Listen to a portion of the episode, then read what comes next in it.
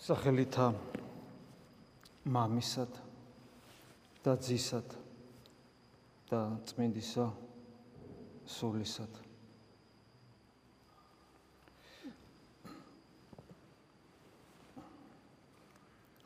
ამ წუთის სოფელში ადამიანი დაკარგულია. იგი დევნილებაში იმყოფება. მას შემდეგ რაც ადამმა ღმერთზე უარი თქვა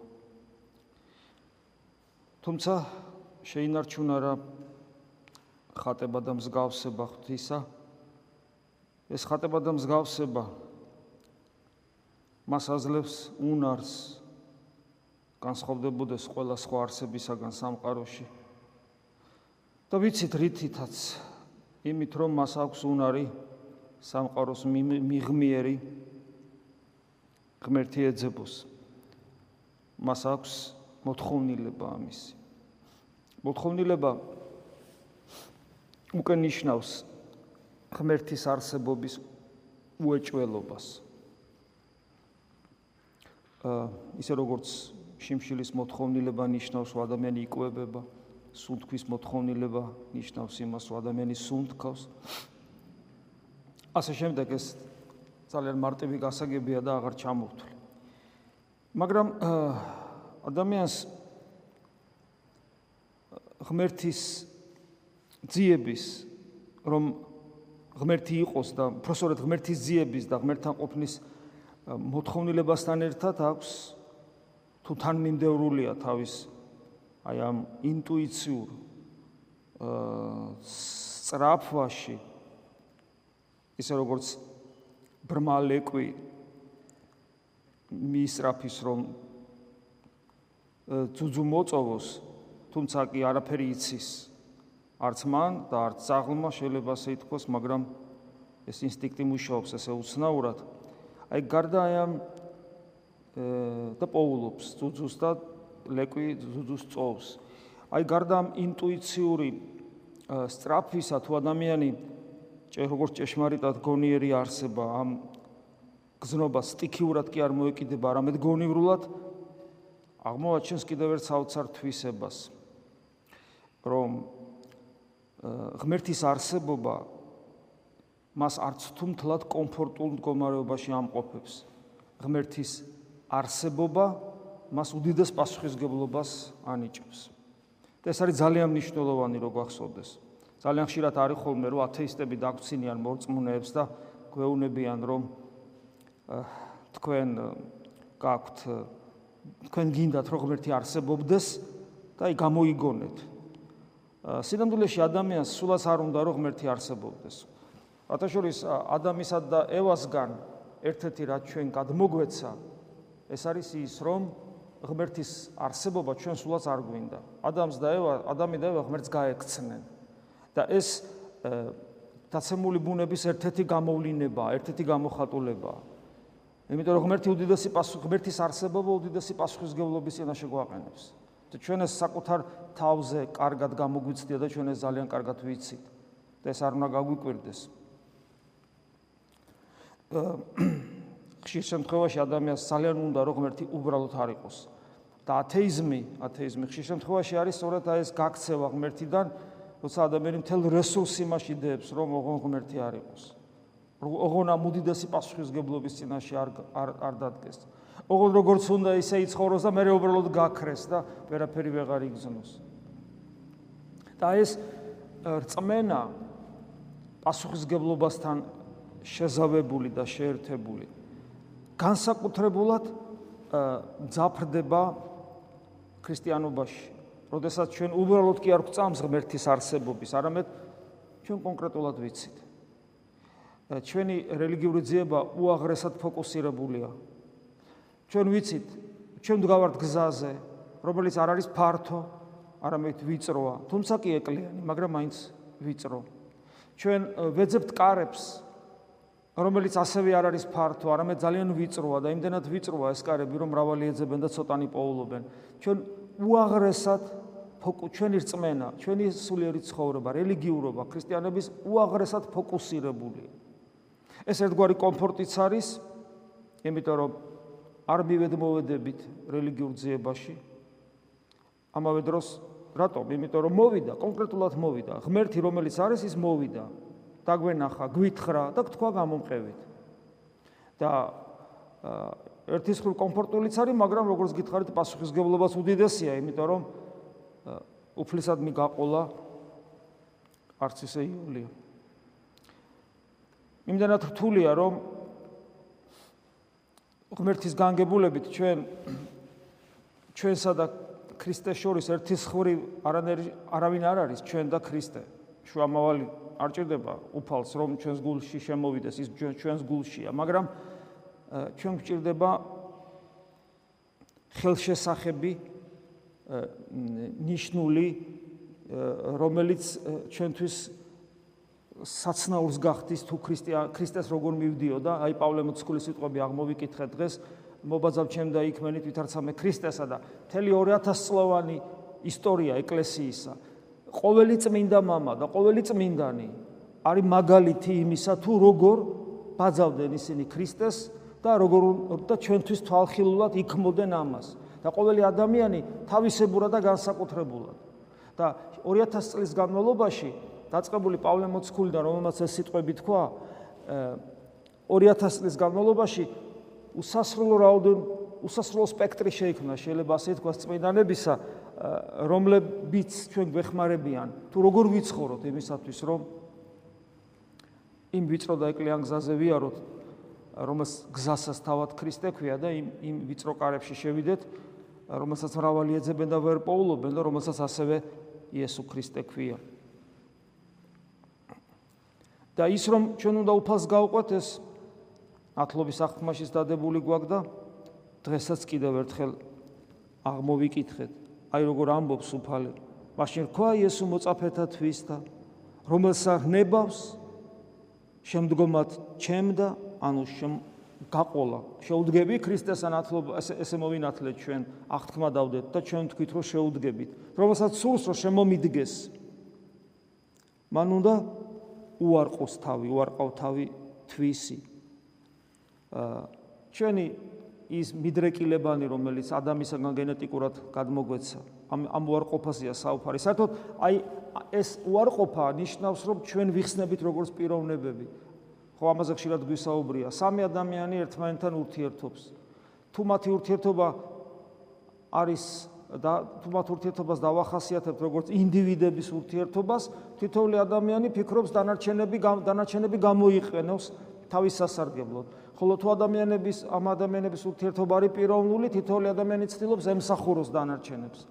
და აი სახურება როცა შენ თავის უარყოფამდე მიდიხარ ეს არის პიროვნული პიროვნული ურთიერთობები. და სწორედ უარყოფა თავ საკუთარი თავისა ნიშნავს იმას რომ ადამიანი რეალიზდება როგორც პიროვნება. რომელიც პოტენციაში აქვს ანუ პიროვნულობა პოტენციაში აქვს მაგრამ რეალურად ის რეალიზებული არ არის. ისე როგორც მეტყოლების უნარი ყველა ადამიანი იბადება მეტყოლების უნარით მაგრამ ზოგ შემთხვევაში შეიძლება არ რეალიზდეს ამ შემთხვევაში წასი. ამიტომ გვეუბნება უფალი, უარყავ თავის შენი. ეს ძალიან მნიშვნელოვანია, იმიტომ რომ თუ ადამიანი არ რეალიზდა როგორც პიროვნება, იგი არ რეალიზდება როგორც ღვთის ხატი და მსგავსი არსება, დარჩება ბიოლოგიური ინდივიდად, რომელიც ასופოლოს ვერ დაიმკვიდრებს.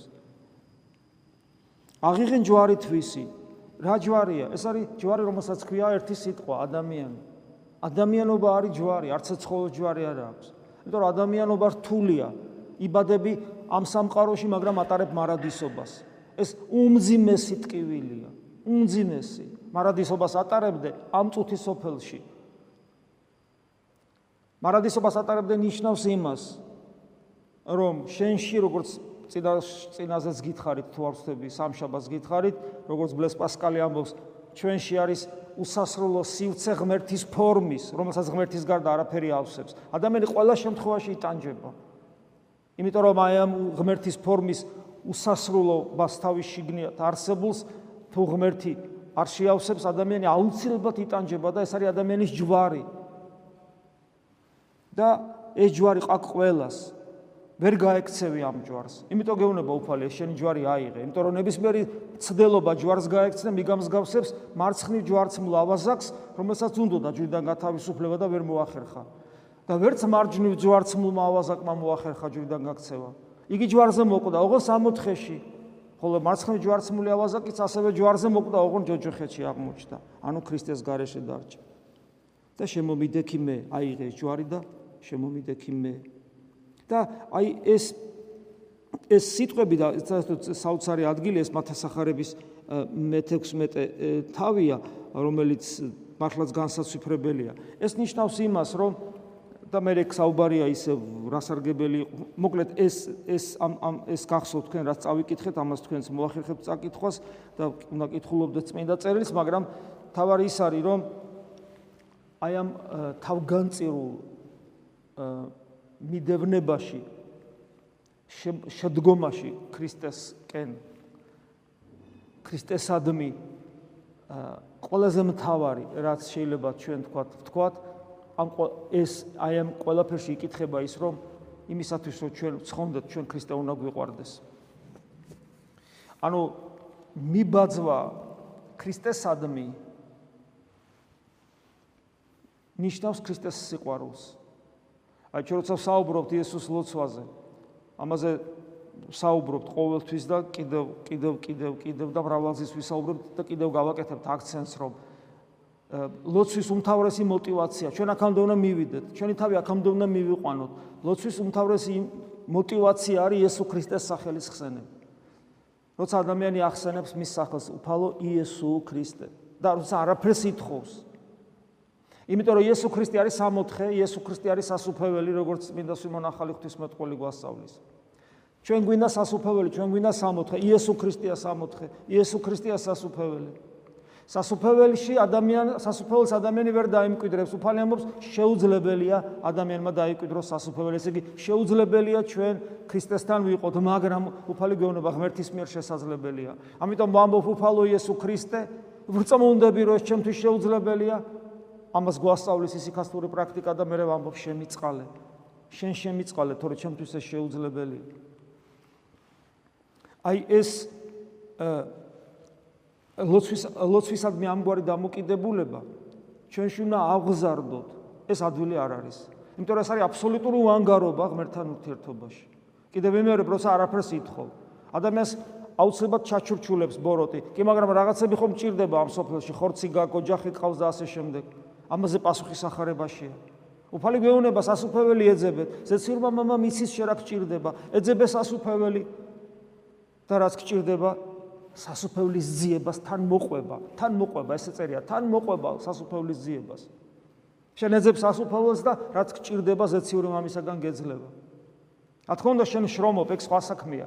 მაგრამ ესეც ვალდებულებაა, მაგრამ ის რომ შე რაღაცები თხოვო ღმერთს, ამის საჭიროება პრინციპში არ არის როცა ჩვენ მაინც ვთხოვთ და მეც ვთხოვ და ჩვენ ვთხოვთ ეს ჩვენი სულმოკლეობა ეს ჩვენი ურწმუნოება ეს ჩვენზე ჩვენ ჩვენ ჩვენგან ღმერთზე მინდობის აი ეს დეფიციტი დეფიციტია ჩვენში ღვთისადმინდობისა რომლის გარშეც წმენა არ ცოცხლდება მაგრამ ის რომ მოვიხსენოთ სახელი იესო ქრისტე რწმენით ჩვენში შიგნით, იმიტომ რომ უფალმა გვითხრა სად გვეძებოს, ჩვენ შიგნით უნდა ვეძებოთ ის, ეს არც ისე უსაფრთხო რამ არის. იმიტომ რომ პავლე მოციქული გვასწავლის სახელით სახელისა წინაშე უფლისა ჩვენისა იესო ქრისტესი მოდრკება ყოველი მუხლი ქვეყანაზე ზეცაში და ქვესკნელში. თელი სამყარო მუხს იდრეკს, ძრწის იესო ქრისტეს სახელის წინაშე. ჩვენ კიდე კადნიერად მოგვეცა ეს კადნიერდებით ვამბობთ ამ სახელს ამ კადნიერების უფლება ეს კადნიერების ამ ამგვარი კადნიერების უფლება ღვთისაგან მოგვეცა მაგრამ ჩვენ ძალიან თხილად უნდა ვიყოთ იმიტომ რომ ყოველი წარმოთქმა ამ სიტყვისა უაღრესი უდიდესი პასუხისგებლობის წინაშე გვაყენებს და საერთოდ ნებისმიერი ლოცვითი სიტყვა სიტყვა მამაო მამაო ჩვენოში ზიარება უდიდესი პასუხისგებლობის წინაშე დგები.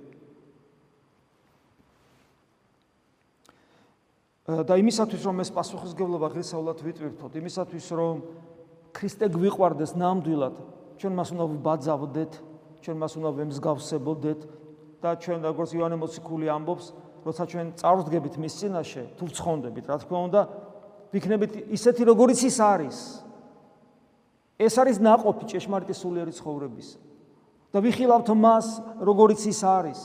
ვიქნებით მისი მსგავსნი და როგორიც ის არის, როგორიც არის ისაც ვიხილავთ. ჩვენ ახლა მას ვერ ვხედავთ, როგორც პავლე მოციქული ამბობს, ყველაზე სრულყოფილ შემთხვევაშიც კი როგორც დაბინდულ მინაში ისე ვხედავთ. მაგრამ ვიცით მისი თვისებები. ღმერთის თვისებები ვიცით, რომელიც მან როგორც ადამიანმა გამოავლინა და ერთ-ერთი უნიშნულოვანესი თვისება ღმერთისა არის სიმდაბლე. და თუ ჩვენ სიმდაბლეში მას არ დავემსგავსებით, ყველაფერი დანარჩენი, რასაც ჩვენ ვიტყვით, რასაც ჩვენ გავაკეთებთ, მოვიმოქმედებთ, ყველაფერი ყველაფერი იქნება ტყუილი და ყველაფერი იქნება ამაო. იმიტომ რომ რეალურად ჩვენ ქრისტეს ვერ შევხვედრივართ, იმიტომ ქრისტესთან შეხვედრა, მის პერსონასთან, პერსონალური შეხვედრა ჩვენს გულში ნიშნავს, რომ ის ჩვენში შემოდის. ჩვენ შინაგან სივრცეს ის ავსებს როგორც ღმერთი, ავსებს საფრთხო ენერგიით და ჩვენ მოქმედებას ვიწყებთ საფრთხო ენერგიით, რომლის ერთ-ერთი უმნიშვნელოვანესი თვისება არის სიმდაბლე. გახსოვთ უფლის სიტყვები? ისწავლეთ ჩემგან შვიდვარდამ დაბალგულით. და ამ კონტექსში მინდა კიდევ ერთი რამდენიმე მუხლი აღმოგიკითხოთ ივანეს სინელის აა ციგნიდან სათნებათა კიბე, ეს არის 25 საფეხური, სიტყვა 25, რომელიც სიმდაბლეს ეხება და რა თქმა უნდა არასრულად როგორც იცით, არამედ რამდენიმე მუხლი. ამ თავს ესე ქვია, ვნებათა მომაკვდინებელი და გამანადგურებელი სიმდაბლის შესახებ. თვითონ თვითონ სათაური ძალიან ბევრი სამის მასწავლებელია. ჩვენ ვებძვით ცოდვას და ხშირად გვითქვავს, რომ ცოდვასთან ბრძოლა აბსოლუტურად უშედეგო და უნაყოფოა თუ ჩვენს გულში ქრისტე არ დამკვიდრდა. იმიტომ რომ ცოდვის დამარცხება მხოლოდ სიმდაბლეს შეუძლია. ხოლო სიმდაბლე არის არა ფსიქოსომატური მდგომარეობა ადამიანისა, რომელიც შრომი და ვარჯიშით მიიღწევა, არამედ სიმდაბლე ეს არის იესო ქრისტე. ცოცხალი ღმერთი, რომელიც ჩვენში უნდა შემოვიდეს. ჩვენში ქრისტე არ შემოვა, ვერანაირ ნებებს ვერ დაამარცხებ. ეს არის ყველაფერი ხიბლი და ტყუილი. ამიტომ ვლოცულობთ მოუკლებლივ დაუზარებლად რომ ჩვენს გულში ქრისტე დამკვიდრდეს. მოუწოდებთ, მოუწოდებთ, მოუწოდებთ დაუსრულებლივ. მხოლოდ იესო ქრისტეს სახელის წინაშე იმუსრება ყველა ცოდვა და ვნება. იმიტომ რომ იესო ქრისტე არის სიმდაბლე. და აი რამდენიმე მუხლი ივანეს სინელის სათნოებათა კიბედან თავიდან სიმდაბლის შესახებ. სიმდაბლე უთქმელი მადლია, რომელიც მხოლოდ მანიცის, ვინც იგი მოიპოვა. ის არის სიმდიდრე, სახელი და საჩუქარი ღვთისა. ჭეშმარიტად შეუძლებელია სიმდაბლის განმარტება. ამიტომ ჩვენ სიმდაბლეზე ბევრს საუბრობთ, ძალიან ბევრ ამას წაიკითხავთ წმინდა მამებთან სიმდაბლის შესახებ, მაგრამ საბოლოო ჯამში ერთ რაღაც ფორმულირებას, რომ აი ეს არის სიმდაბლე, ამას ვერასოდეს ვერ იპოვით, იმიტომ რომ სიმდაბლე უდრის იესო ქრისტეს. შეუძლებელია იესო ქრისტეს განმარტება, მაგრამ ის რომ გარკვეული გამოცდილებით გაიგო ეს რა არის, მხოლოდ მაშინაა შესაძლებელი თუ მოიპოვებ. ჩვენ მოპოვებამდე ძალიან ბევრი გვიკლია, მაგრამ ყოველ შემთხვევაში თუ ვცდილობთ რომ ჩვენ ჩვენ აღზარდოთ ჩვენ თავში სიმდაბლის სათნოება, ანუ ქრისტე მოვიპოვოთ გულში, შეიძლება რაღაცას მიხვდე, მაგრამ მაგრამ რეალურად სამწუხაროდ ძალიან შორს ვარ. ვერც გამოვთქვავთ ამას, თან კიდევ სიმდაბლეს ესე თვისება აქვს ადამიანში, რომ ციყოს ადამიანი ვერ ხედავს მას. ვერ ხედავს. ეს არის სათნოება, რომელსაც რომელიც ადამიანისათვის არ ჩანს. ადრეს აი გამიშარჟებია ეს, ხო, წარმოედგინეთ ადამიანი ამბობს, მე ესეთი თავდაბალი ვარ. ხო ხდებით რა გროტესკულ მდგომარეობაში იმყოფება ადამიანი. ეს არის ეს ღვთის ჩვენთან ყოფობა, რომელიც მხოლოდ სიმდაბლეთ, სიმდაბლით შემოდის. მაგრამ ერთ-ერთი რაშიც ეს აუცილებლად გამოვლინდება მოყვასთან ურთიერთობაში. მოყვასისათვის კომფორტი ხარ გარკვეულწილად. თუ ისე არ გულისხმობ იმას, ვისაც ქრისტე და ღმერთის ზულს, იმასთან კომფორტი ვერ იქნები, იმისთვის კომფორტი ვერ იქნები. მაგრამ ზოგადად სიმდაბალი ადამიანი მოყვასისათვის, ოჯახისათვის, მეგობრებისათვის, სამრევლოსათვის მეგობრულ ურთიერთობაში, როცა კეთილ კეთილად განწყობილი ადამიანები არიან შენს გარშემო, კიდევ მეორე ოჯახში, მეგობრებში, სამრევლოში, შენ კომფორტულ გარემოს უქმნის ხვებს, როცა თავდაბალი ხარ, იმიტომ რომ თავდაბალი მორჩილია. არ არის პრეტენზიული თავდაბალი ადამიანი, არ არის განკითხველი, არ არის უმადური, არ არის შურიანი, არ არის ანგარებიანი. და ასე შემდეგ. პირველი თვისება ამ კეთილი და დიდებული სათნოებების სამებისა სიმდიდრე სახელი და საჩუქარი ღვთისა. ალბათ ამას გულისხმობს არის სიხარულით მიღება და ტვირთვა ყოველგვარი ლანძღვისა და შეურაცხყოფისა. ანუ სიმდაბლე ერთ-ერთი რაშიც ვლინდება ეს არის ლანძღვის და შეურაცხყოფის სიხარულით მიღება და ტვირთვა. ტვირთვა გასაგებია, ფსიქოლოგიურად გასაგებია, რომ იტვირთავ ამას, ვაშკაცი ხარ და იტვირთავ, როცა გაგლანძღავენ და შეურაცხყოფას მოგაყენებენ, მაგრამ აი სიხარული რა შუაშია? გაუგებარია, ხო? შენ გამლანძღე, შეურაცხყოფა მომაყენე, მე ვიტვირთე ქრისტეს სიყვარულისათვის და რაღაცა უნდა მიხარობდეს. მაგრამ იონესინელი დაჟინებით ამბობს, ეს სიხარულით უნდა მიიღო და სიხარულის განცდა გაქვს. რატომ? ისევ და ისევ იმიტომ, რომ სიმდაბლე რო ეს ფსიქოსომატური მდგომარეობა იყოს, რაღაცა დოზის დოზით რაღაცას იტვირთავ. მაგრამ რადგან სიმდაბლე ნიშნავს ჩვენში ქრისტეს მყოფობას, ჩვენ შეურაცხყოფა კი არ გვახარებს, ჩვენ გვახარებს ქრისტე ჩვენში მყოფი. ანუ საფრთხო მადლი გვახარებს. გახსოვთ, როცა მოციქულებს პირველად ცემ გალახავენ, ჯოხებით გალახავენ თუ არ ვთქვი პირველად. აი მაშინ მოდიან მოციქულები საქმე მოციქულთაშია და უხარიათ, რომ ქრისტეს სახელის ქსათვის ტანჯვის ღირსნი გახდე. და პავლე მოციქულზე ამბობს ქრისტე, რომ მე ვაჩვენებ მას რაოდენ ღირდეს ჩემი გულისათვის ტანჯვა და გვემა და მოწამეობა. ანუ ადამიანს ეს საოცარ სიხარულს ანიჭებს. ეს ეს არ არის მაზოხიზმი. ეს არის ქრისტეს ჩვენთან ყოფობა, იმიტომ რომ ქრისტემას ეს გზა გაიარა და ამბობს კიდევაც მე თუ მდევნეს თქვენს გდევნია. ანუ ეს არის ერთ-ერთი ნიშანი, რითაც მიხვდებით, როცა ჩვენ შეურაცხყოფას გვაყენებენ, ჩვენ არა მარტო მოვითმენთ, არამედ შეიძლება ცოტა დაგვიანებით, დაგვიანებით, მაგრამ მე სიხარული მოდის, იმიტომ რომ მადლი, მადლის განცდა მოდის ადამიანში. მეორე თვისება ამ სამი ძლიერი სათნოების არის მრისხანების მოკლა. გულის შემოსვრა და ყველაფერში საკუთარი თავის დადანაშაულება. მრისხანების მოკლა ბუნებრივია, სადაც სიმდაბლეა, მრისხანება ვერ იქნება, იმიტომ რომ მრისხანება სიძულვილს გულისხმობს და დაბას არ შეიძლება ვიღაცას ზულდეს. გულის შემოსრულება, დამდაბლებული გული, იმიტომ რომ ადამიანი ხედავს თავის უბადრუკობას და მას არცალია სხვების ცოდვების მიმოხილვი მიმოხილვა დაიწყოს. და საკუთარ თავის დადანაშაულება, საკუთარ თავის მაბრალობლობა არის ერთ-ერთი უდიდესი სათნოება, რომლის გარეშეც ქრისტიანობა უბრალოდ არ არსებობს. ეს მარტო მონაზვნებს არ ეხება, თქვენ რომ მოდიხართ ხოლმე აღსარებებზე რაღაც გარკვეული მდგომარეობით, მე ხშირად გეუბნებით, რომ თუ ნებისმიერი მოვლენის უკან ან ხო, აი ესე ვთქვა, თუ არ დაინახე ან ნებისმიერ მოვლენასში, მოვლენაში უფრო სწორედ რომელიც შენს შენზე ხორციელდება, თქვა, რაღაც უსამართლოდ, როგორც განსაცდელი, როგორც ტკივილი, როგორც ცილის წამება, როგორც შეურაცხყოფა, როგორც როგორც უმადურობა და ასე შემდეგ, ბევრი ცუდი რამე მოდის თითოეულ ადამიანზე.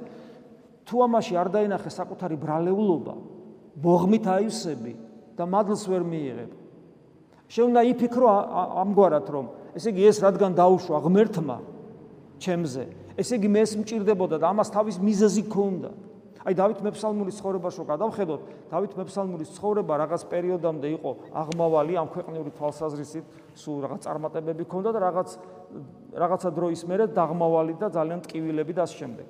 და ხშირ შემთხვევაში დავით მეფსალმუნეს უსამართლოდ ეკცევიან ყველაფერს თავი რო დავანებოთ შვილი აუმხედრდება. შვილი, საკუთარი შვილი, რომელიც უყვარდა. მაგრამ დავითის ცხოვრებაში ვერ ვნახავთ, რომ დავითი წუწუნებს. დავითი კი არ წუწუნებს, იგი ნანობს. მაგალითად 50-ათე ფსალმუნი მისი ავტორობით არის, იცი.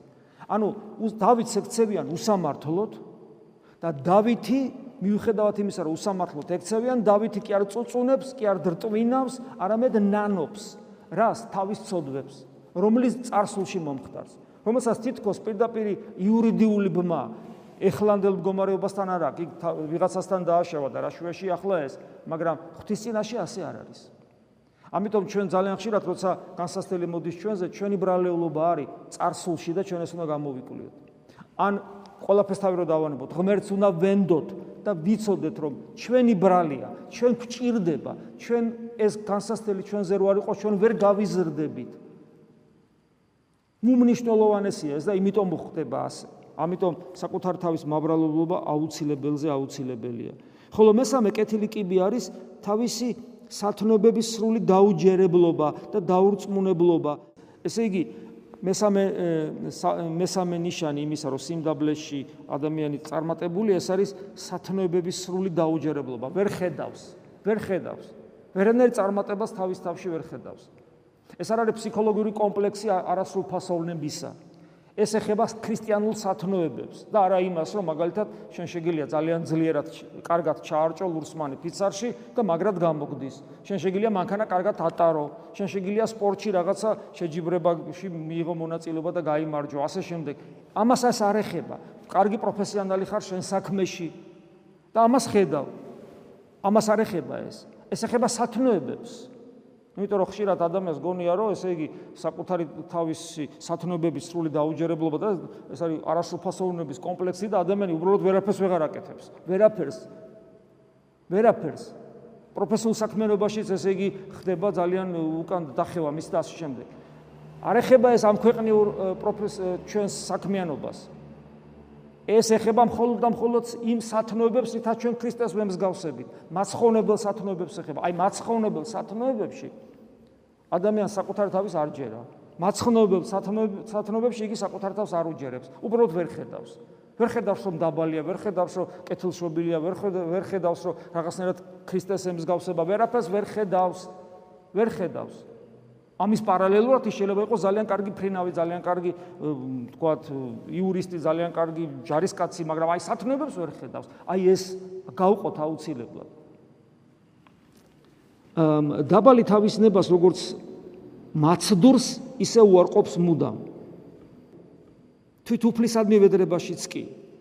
უფლისადმი ვედრებაში ჩვენ პირდაპირ გვაქვს მოცემული იყავნებაშენი რაც ნიშნავს ავტომატურად საკუთარი ნების უარყოფას. და ნახეთ ჩვენ ხო არ გვემეტება ჩვენი ნება ჩვენ დილას ვიტყვით ხნეთ მამაო ჩვენოში იყავნებაშენი და მთელი 24 საათი ვცხოვრობთ საკუთარი მთელი 24 საათი ვიხსვით საკუთარი ნების რეალიზებისათვის.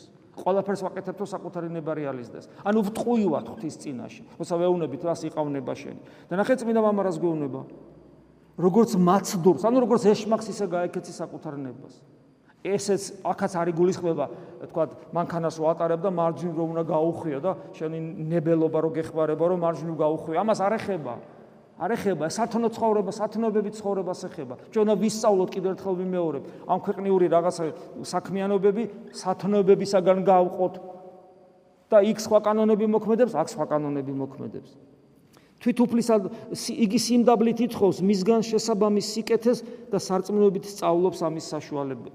ანუ ესე იგი სიმდაბლით ვითხოვთ იმას, რომ საკუთარ ნებას მოვერიოთ და უარყოთ, როცა საქმე სათნოებებს ეხება. დაბალი მუდამ მორჩილია. მორჩილება იცით რაც არის? ღვთის განგებულებისადმი მორჩილება, როცა ადამიანი არ დრწვინავს და არ წუწუნებს და მორჩილება მოძღვრისადმი და მორჩილება ადამიანისადმი, მეუღლისადმი, მშობლისადმი, შვილისადმი, მეუღლისადმი არა მარტო ცოლისა ქმრის, არამედ ქმრისა ცოლისადმიც. პავლე მოციქული გვასწავლის ამას ხშირად ეს ავიწყდებათ. და პავლე მოციქულის ხოლო სხვა სიტყვებს კითხულობენ და მორჩილება ყველასადმი მრევლის წევრისადმი შენს შენს შენზე დაქვემდებარებულისადმი სამსახურში შვილისადმი შვილიშვილისადმი ხშირად მიმეორებ. ყველასადმი მორჩილება უნდა ვისწავლოთ. ოღონ მორჩილება ის როგორც ნებისმიერი სათნოება გონივრულად თუ არ აღესრულა და უგუნურად აღესრულა იგი ბოროტებად იქცევა. დაბალი მოდა მორჩილია იგი უკეთეს სიტყვებს სხვებისაგან ისმენს რადგან არასოდეს ენდობა თავს რომელზეც ზრუნვა მიუტევა უფალს. თავის თავზე ზრუნვა მიუტევა უფალს, მიუტევა უფალს ზრუნვა ისენ და მან გამოგზარდო შენ ფსალმური სიტყვები და უკეთეს სიტყვებს ხვებისგან ისმენს. ეს ძალიან მნიშვნელოვანია, როცა ადამიანი რჩევებით ცხოვრობს. იმიტომ რომ თუ ადამიანი მხოლოდ საკუთარი თავით ცხოვრობს, აი მაგალითად ოჯახში, ქმარი არის, ესე იგი რაღაც სიტყვა ამბიონს არ მოუხდა და გადავიფიქრე უკაცრავად. ხო, აი ესეთი ამაყი თუმცა ამაყის ვაც არის კაი სიტყვა, უბრალოდ ამბიოსი სიტყვა არ უხდებოდა და ესე იგი ყველაფერს თელი ოჯახის წარმართვა საკუთარ თავზე აიღო. არაფერს ეკითხება ცოლს. როგორც წესი ესეთი ოჯახები არ ვითარდება და მიდის დეგრადირებისკენ. ეს როგორც წესი ასე ხდება. აა ნეტარმა და ბოლომუხლი რომელიც უნდა აღმოგიკითხოთ ნეტარმა მამემა სიმდაბლის გზა ხორციელ შრომას უწოდეს. ხოლო მე მორჩილებას და გულწრფელობას დავუმატებ რომლების ბუნებით ამ პარტავნების მოწინააღმდეგები არიან. საინტერესოა, ესე იგი იონესინელი ამბობს, რომ ამები ძირითადად სიმდაბლის გზა ხორციელი შრომაა, ну ღვაწლი, ღვაწლი. იმიტომ რომ აი იმისათვის რომ ნებისმიერ სათნოებას ღვაწლი ჭირდება. ნებისმიერ სათნოებას და აქ მონაწილეობთ ადამიანი ხორცით მონაწილეობს. ადამიანური ბუნება სულისა და ხორცის ერთობაა. ხორცით მონაწილეობს და აუცილებლად გულისხმობს ბევრ ღვაწლს და ეს არის ხორციელი შრომაც ყველაფერთან ერთად. ეს არის სიმდაბლის გზა. თუნდაც მორჩილება რო ჭირდება და მორჩილება რო ჭირდება, ამიტომაც თუნდაც სიმდაბლი ხორციელი შრომაა. მაგრამ იონესინელი ამატებს მორჩილებას განმარტავს უფრო შეიძლება ასე ვთქვათ ხორციელ შრომას. ეს არის მორჩილება და გულწრფელობა. გულწრფ რა საინტერესოა? ხო სიმდაბლე გულწრფელობა. რატომ არის დაბალი გულწრფელი? და გულწრფელობა რატომ არის გზა სიმდაბლისკენ? იმიტომ რომ თუ გულწრფელი არ ახარ მაშინ რა ხარ? თუ გულწრფელი არ ახარ მაშინ მაშინ მზაკვარი ხარ ორგული ხარ. თუ ორგული და მზაკვარი ხარ წარმოგიდგენიათ ესე იგი ადამიანის მიმართ როგორი დამოკიდებულება გაქვს? ადამიანს ყოველთვის ზემოდან მომხმარებლურად ანგარებიანად უყურებ. შესაბამისად სიმდაბლის ნასახი ვერ იქნება შენში იმიტომ რომ ადამიანს ზემოდან უყურებს სიამაყით ნარი ნაკოები შენი ცხოვრება. ასე რომ იმისათვის რომ უფლის სიყვარული შევძლოთ ჩვენ უნდა მისი მსგავსნი გავხდეთ და ერთ-ერთი უმთავრესი რითაც ქრისტეს მსგავსნი გავხდებით ეს არის სიმდაბლის სათნოება სიმდაბლის სათნოებას ეწინააღმდეგება ჩვენი დაცემული ბუნება და არის მუდამ შინაგანი ბრძოლა. ესეც ერთ-ერთი ჯვარია ჩვენი და ჩვენ როცა ჯვარი უნდა ვიტვირთოთ, ეს არის ის, რომ ვებძოლოთ ჩვენში სიამაყეს და ამპარტავნებას, რომელიც სიმდაბლის საწინააღმდეგო ცოდვებია. და აი ამ ბრძოლით, ანუ ამ ჯვრის ტვირთით, ტვირთვით გავყვეთ ჩვენს უფალს იესო ქრისტეს და ამგვარად უერთგულოთ და ამგვარად გვიყვარდეს. ჩვენი მიზანი არის იესო ქრისტე გვიყვარდეს და ჩვენი გული მუდამ ძგერდეს მისით. ჩვენი გული მუდამ შეყვარებული უნდა იყოს. აი როგორც შეყვარებული ადამიანი, აი ადამიანი არ არის შეყვარებული და უცებ მეორე დღეს ვიღაცა შეუყვარდა. აი მეორე დღეს როცა ვიღაცა შეუყვარდება, იმის შინაგანი მდგომარეობა აბსოლუტურად განსხვავებული იქნება. იმიტომ რომ რასაც არ უნდა აკეთებდეს ეს ადამიანი, მისი გული ყოველთვის იმას ეძებს, იმას ფიქრობს, ვინც უყვარს. თავის სიყვარულის საგანზე ფიქრობს. ეს უნარი ზოგადად ადამიანში მარტო საწინააღმდეგოს ქეს არ ეხება, ეს ეხება ბევრ ამას, მათ შორის ახლობელი ადამიანის სიყვარულს, მეგობრულ სიყვარულს, სამშობლოს სიყვარულს, საყვარელი საქმიანობის სიყვარულს. ადამიანს ზოგადად აქვს უნარი მისი გული რაღაცით დაიტვირთოს, ვისაც არასოდეს არავინ და არაფერი არ უყვარს, ასეთი ასეთი ადამიანის მდგომარეობაც, რა თქმა უნდა, ცოტა მძიმეა. მაგრამ ეს ყველაფერი არის ანარეკლი სუსტი ანარეკლი ყველა ყველაფერი არის ანარეკლი სუსტი ანარეკლი იმ დიდი სიყვარულისა რომელიც ადამიანს ღმერთისადმი უნდა ჰქონდეს. ჩვენი ღმერთისადმი სიყვარული გაიოლებულია იმიტომ იგი მოვიდა და დაგვენახა. ჩვენი რწმენა ფოკუსირდა როგორც თავში გითხარით. და ჩვენ უნდა გვიყვარდეს იესო ქრისტე. ეს არის ღვთის სიყვარული. და თუ ჩვენ გვეყვარება იესო ქრისტე მაშინ ჩვენი გული იქნება იმ შეყვარებული კაცის მდგომარეობაში რომელსაც არ შეუულია ერთი წამითაც კი ძილ ძილშიც კი ახსოვს ჭამის დროს ახსოვს. ასაც არ უნდა აკეთებდეს მის გულს ყოველთვის ახსოვს თავის სიყვარულის საგანი. აი ესე უნდა ამას უნდა მივახციოთ და ეს მიიღწევა გონიერი ლოცვით ისიქასტური პრაქტიკით. ჩვენთვის მოუკლებელი უნდა იყოს იესო ქრისტე იესო ქრისტე ბაგეებით სუნთქვით გულისცემით ყოველ აზრით სულ მუდამ ასე უნდა იყოს. აი ეს აი ეს თუ იქნება ჩვენში მაშინ ჩვენ აღვასრულებთ უფლის დღევანდელ მოწოდებას, რომ უარყავ თავი შენი, აიღე ჯვარი შენი და გამომყე. გაუყვეთ ჩვენს უფალს იესო ქრისტეს ამინ. მადლი უფლისა ჩვენისა იესო ქრისტესი და სიყვარული ღვთისა და მამისა და ზიარება სული საწმინდისა იყოს თქვენ ყოველთა თანა. ამინ.